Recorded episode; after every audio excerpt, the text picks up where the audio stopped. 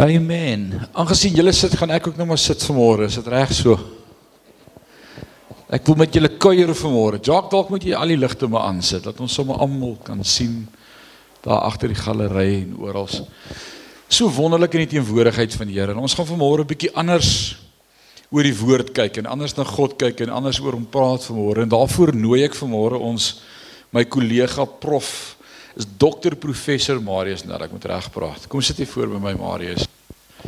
En ons gaan vanmôre sommer net praat oor die woord, oor goed wat ek en jy beleef en ervaar en hoe ons deel met die lewe soos wat dit gebeur. Daar's 'n mikrofoon daar by jou stoel. As jy hom gaan aansit vir jou.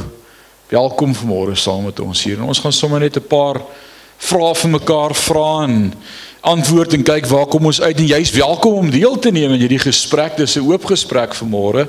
Ons dink nie ons weet alles nie, maar uh, ons gaan sommer net vanmôre saam praat oor God en oor hoe beleef ons hom en hoe ervaar ons hom. Is dit reg so?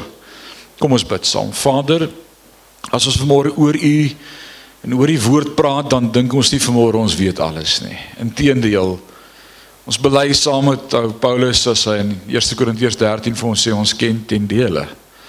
Ons kyk in 'n raaisel en 'n spieël en ons verstaan nie hoe al die stukkies in mekaar pas nie, maar ons dink ons weet. Maar dankie dat die woord ook verder praat en sê eendag sal ons ten volle weet. En ek bid vanmôre dat U sommer ons saam kuier vanmôre gaan bless en dankie vir U teenwoordigheid. Dankie dat ons U kan beleef en ervaar en weet U is hier en dit is sommer net so awesome om ons skouers net te kan laat sak in die teenwoordigheid en te weet ons is by die huis. Abba Vader is in beheer en U dra ons elke dag. Ons sê vir U dankie daarvoor. Word verheerlik. Is my gebed in Jesus naam. Amen en amen. Nou ek het sommer vir ons 'n paar vrae voorberei en kom ons praat daaroor vanmôre. Kom ons begin weer te vra hoe hoor ek die Here se stem in hierdie krisistye Marius? Ek dink is iets wat almal van ons beleef. Jy's so geoccupy, mag ons daai Afrikaanse woord gebruik occupy. Jy's so besig met alles wat gebeur in die nuus en jy moet tred hou met wat Ramaphosa dalk gaan sê en hoe hoe connect ons nog steeds met God?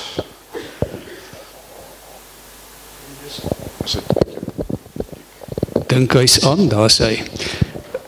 Ek dink elkeen van ons wat hier sit wat 'n persoonlike verhouding met die Here het, gaan hierdie vraag antwoord en ons gaan van mekaar verskil in baie opsigte. Want elkeen van ons is uniek en ons verhouding met die Here is uniek. Ehm um, daarom is daar nie 'n standaard antwoord daarop nie. Wat belangrik is is dat 'n mens van die Here hoor en dat 'n mens die verwagting het hy wil met jou praat. Ek dink dis dis die heel belangrikste. Ons leef in in 'n wêreld waar daar verskillende godsdiensttradisies is en meeste van die ander tradisies is skepties oor sogenaamde spreuke van God. Hulle sê die Here het in sy woord gepraat, dis klaar. Wat belangrik is is dat jy moeite doen met die woord. Want die woord sal vir jou sê wat die Here wil sê en ek stem 100% daarmee saam.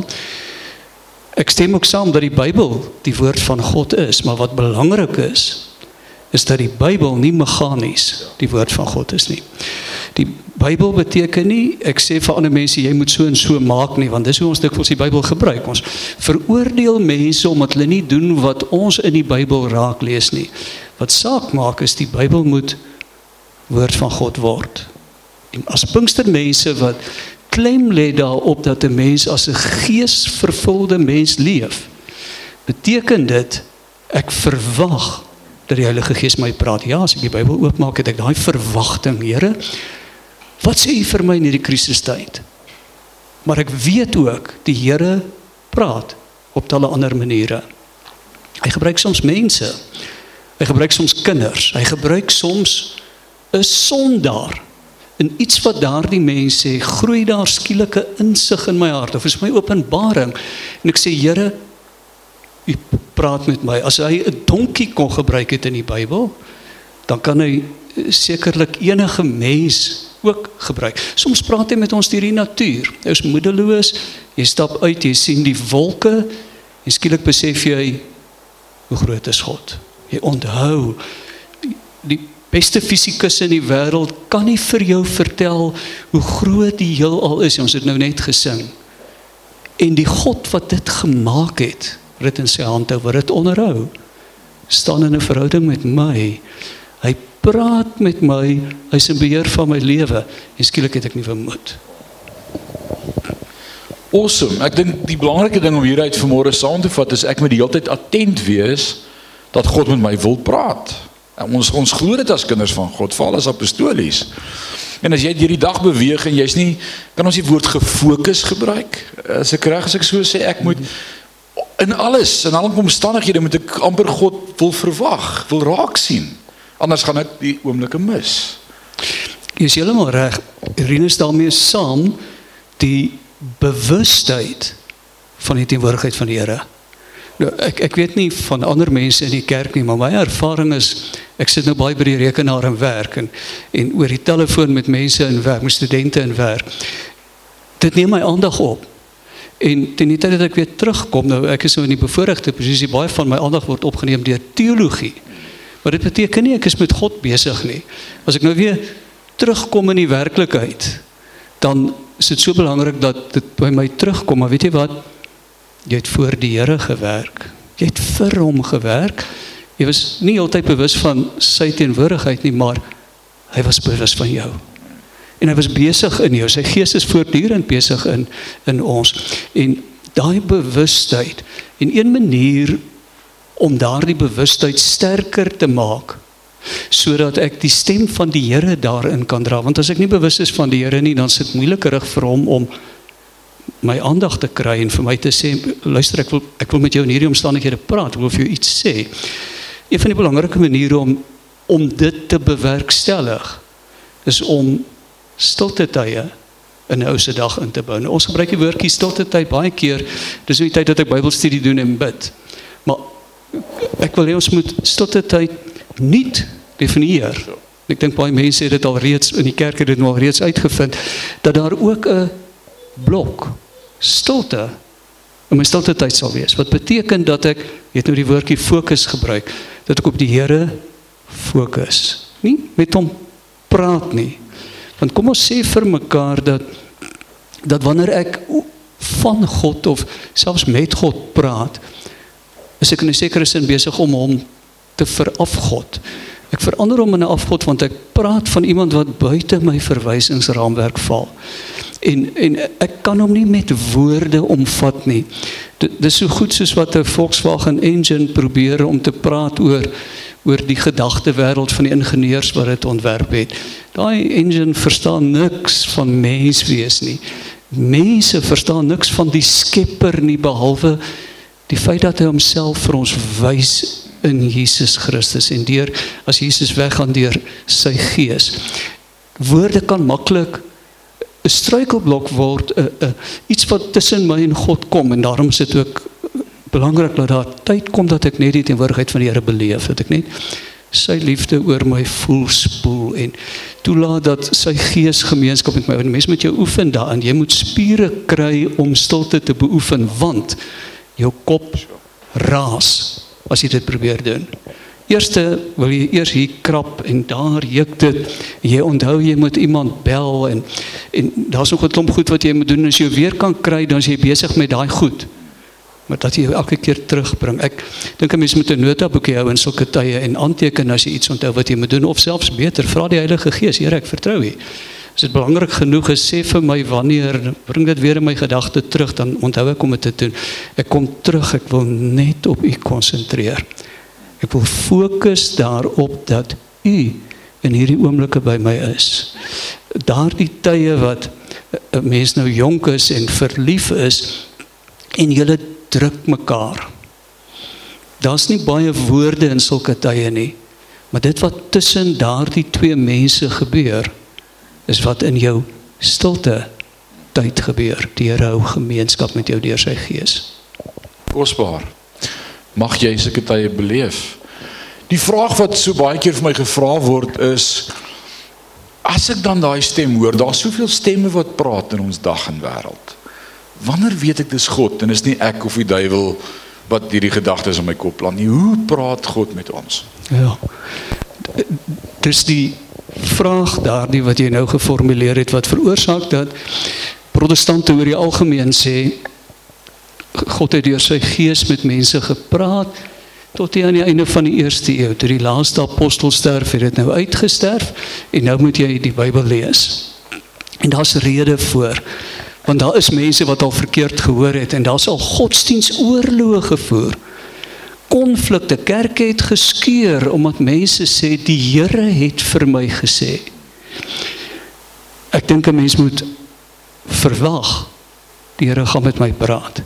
As dit iets indringends is wat hier in my gedagte vorm en ek ek is oortuig dis die Here wat met my praat iets wat tot 'n aksie gaan lei wat ander mense ook gaan raak dan is dit belangrik dat ek versigtig genoeg sal wees.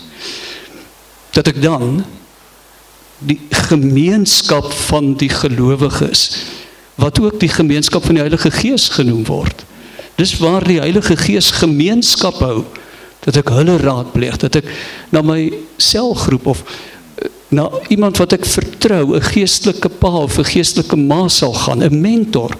Jy sal sê, weet jy, dis dis wat in my hart vorm. Ek dink dis wat die Here wil ek moet doen, bid saam met my.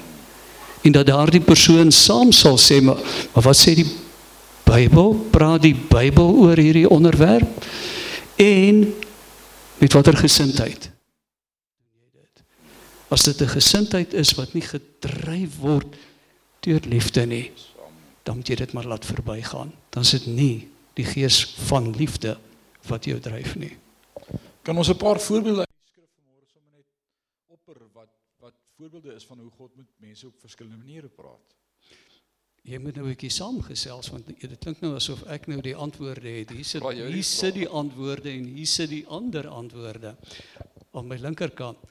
Ehm um, kom ons dink aan Elia dis iets wat vreemd is en en 'n mens kan maklik sê maar weet jy wat die Here het op 'n baie besondere manier met die profete gepraat. En ehm um, Elia hoor die Here sê vir hom gaan doen dit gaan doen dat. Die Here praat met hom. Maar daar's 'n ander tyd wat Elia weer nodig het om van die Here te hoor. En dis die die swart tyd, die krisistyd as die as die skadu weer die hond waarvan Martin Luther gepraat het om ingehaal het.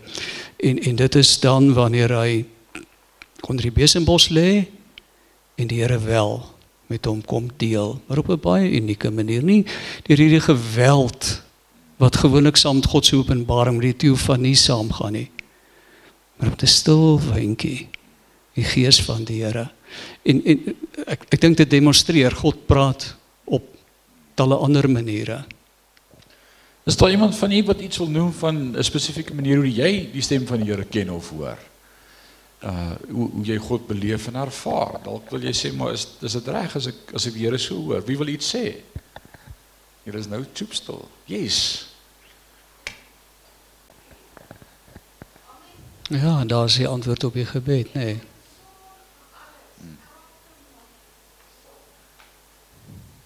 Hmm. Daar's 'n bevestiging van ander ook daardie rustigheid. Ek dink 'n mens moenie haastig wees as die Here met jou praat nie. As ander mense dieselfde geaardheid as ek het, dan is hulle ongeduldig. Ehm um, en dit is my moeilik om te wag tot daardie sekerheid kom, weet jy? Dis regtig die Here en as dit ook dikwels die Here se tyd. Maar daar's iets wat daarmee saamgaan, en dis wat net so belangrik is dink ek. Want dit gaan oor hoe weet ek dis die Here wat praat? En dit Josef Stalin. Ek wonder of baie, baie mense weet dat hy hom as 'n pastoor bekwam het. Hy het op die ouend as 'n pastoor van 'n totalitêre bestel enorme skade in Rusland veroorsaak deur kommunisme te vestig. Maar as seminariestudent, student wat teologiese student, het hy homself ten doel gestel en dit reg gekry om die vier evangelies uit sy kop te leer. In sy sosialisme is gebaseer op daai evangeliese beginsels van deel met mekaar. Moenie in selfsug alles vir jouself hou nie. As jy gaan kyk wat sê aan Handelinge 2 die vroegste gemeente, hulle het verkoop wat hulle het en vir die armes gegee. Dis nie 'n langtermyn oplossing nie want later is ons almal ewe arm. Maar uh, wat belangrik is is dat dat sy kop gevul was dat ons kop gevul word met die Bybel. Dat 'n mens stukke uit die Bybel memoriseer. In die tyd dat Joodse seuns hulle bar mitzvah op 13 ondergaan, het hulle dit dikwels reg gekry om die eerste 5 boeke van Moses te memoriseer. Dit kan gedoen word. Maar wat gebeur wanneer jy stukke uit die psalms of waar ook al. Die psalms is 'n baie gewilde deel want daar's pragtige gedeeltes. As jy daardie gedeelte saam met jou dra, dan gebeur daar iets in krisistye is dit die woord wat terugkom. God praat makliker as jy reeds sy taal in jou gedagtes saamdra. Die nuwe die 2020 vertaling van die Bybel, dis nou of my baie interessant iets. Die woordjie pyns is dikwels kom dikwels voor in die 83 vertaling en selfs in die 53 vertaling.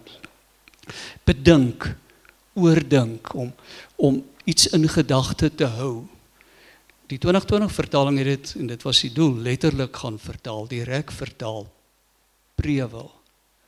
Daarom sê Psalm 1 gelukkig is 'n mens wat nie op die pad van die sondaar is nie, maar wat God se woord dag en nag prewel.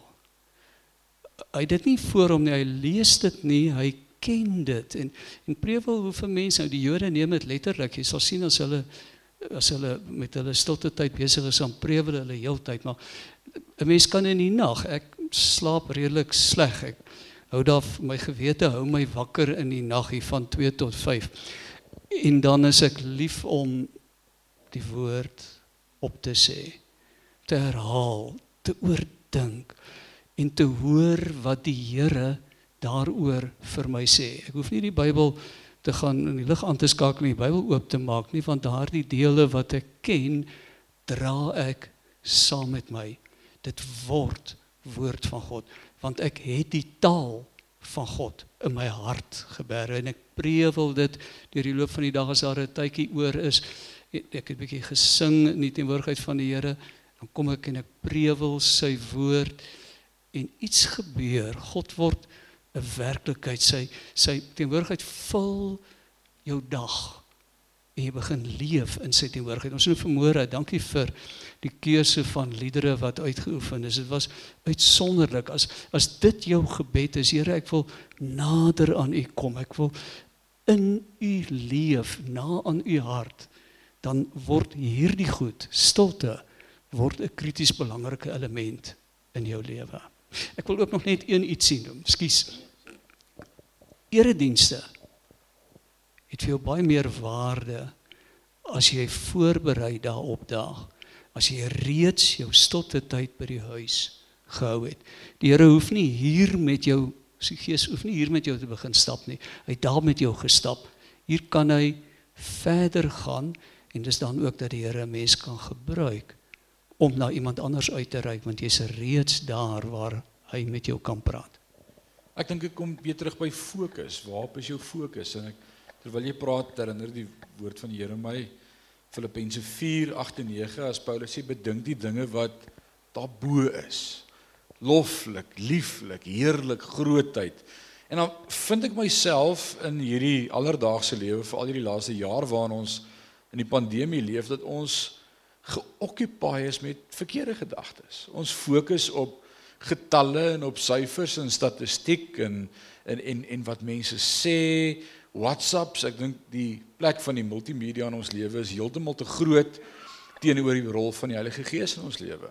Ek ek moes persoonlik bely 'n paar maande terug toe ons met die Daniël vas begin het. Ek gesê, Here, ek vas media want daar's te veel opinies en te veel raad en te veel mense wat goed sê en te veel stemme.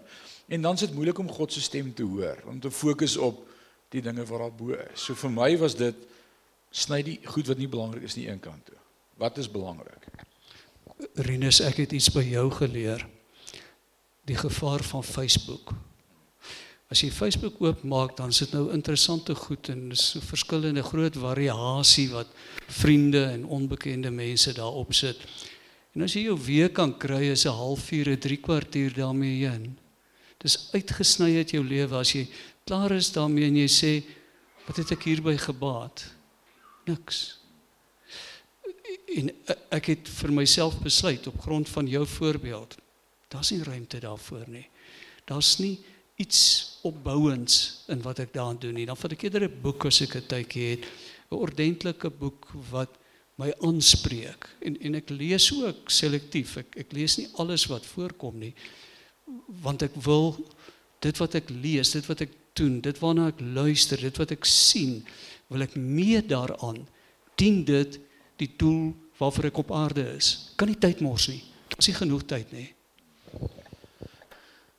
As Christen dink ek dis een van ons groot vrae of struggles waarmee ons sit. Almal van ons het nie teologiese opleiding gehad nie en ons ons wonder soms hoe moet ons met die Bybel omgaan?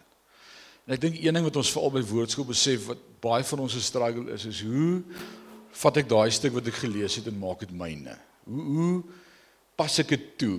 Moet ek as daar staan en Judas het homself opgehang is dit vir my hoe, hoe leer ek daai hoe, hoe wat is die toepassing van skrif en die belangrikheid van die Bybel in my verhouding met God? Hoe hoe hoe sien ons dit?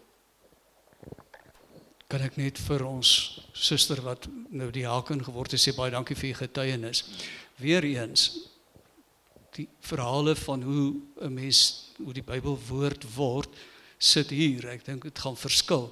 Ek kan maar net uit my eie ervaring praat wanneer ek stil geword het, wanneer ek gemeenskap met die Here gehou het, dan is dit tyd nie vir Bybelstudie nie, daar's 'n tyd daarvoor ook. Dis belangrik.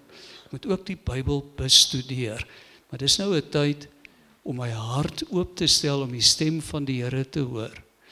En dit gebeur dikwels as 'n mens reeds daardie stilte van gemeenskap met die Here het dat dat hy insigte dat daar insigte in jou hart ontstaan maar dat ek dan ook die Bybel oopmaak en sê Here ek wil net hierdie klein stukkie lees. Is daar iets wat u vanmôre vir my wil sê onder my aandag wil bring? Ek lees nie hoofstukke nie daar's tyd daarvoor maar dis nie nou tyd daarvoor nie. Ek lees aandagtig een gelykenis. Ek lees hom weer. Ek lees hom weer. En ek verwag dit wat dan gebeur. Iets daarin. 'n beeld, 'n frase, 'n begrip spreek my aan. En ek word bewus. Dis wat die Here nou vir my sê. Ek verstaan nie altyd wat hy vir my sê nie. Maar later in die dag sit iemand by my en sê ek het moeilikheid. Gee 'n bietjie vir my raad. En skielik val die legkaart in en ek sê Ek weet wat om vir jou te sê. Ek gaan dit nie vir jou so verduidelik nie, maar vroegoggend het die Here oor jou by my geskinder en ek het nie geweet van wie hy gepraat het nie. Wow, is dit nie pragtig nie? Om nie net altyd wat jy vind te dink dis vir jou nie, maar ook vir later om iemand anders mee te bless. Uh ons word gebless om 'n blessing te wees en ek dink dis een van die goed in ons kinders van die Here se lewe wat ons mee struggle is om te vergeet dat ons wil baie keer net gebless word, maar ons vergeet om 'n blessing te wees.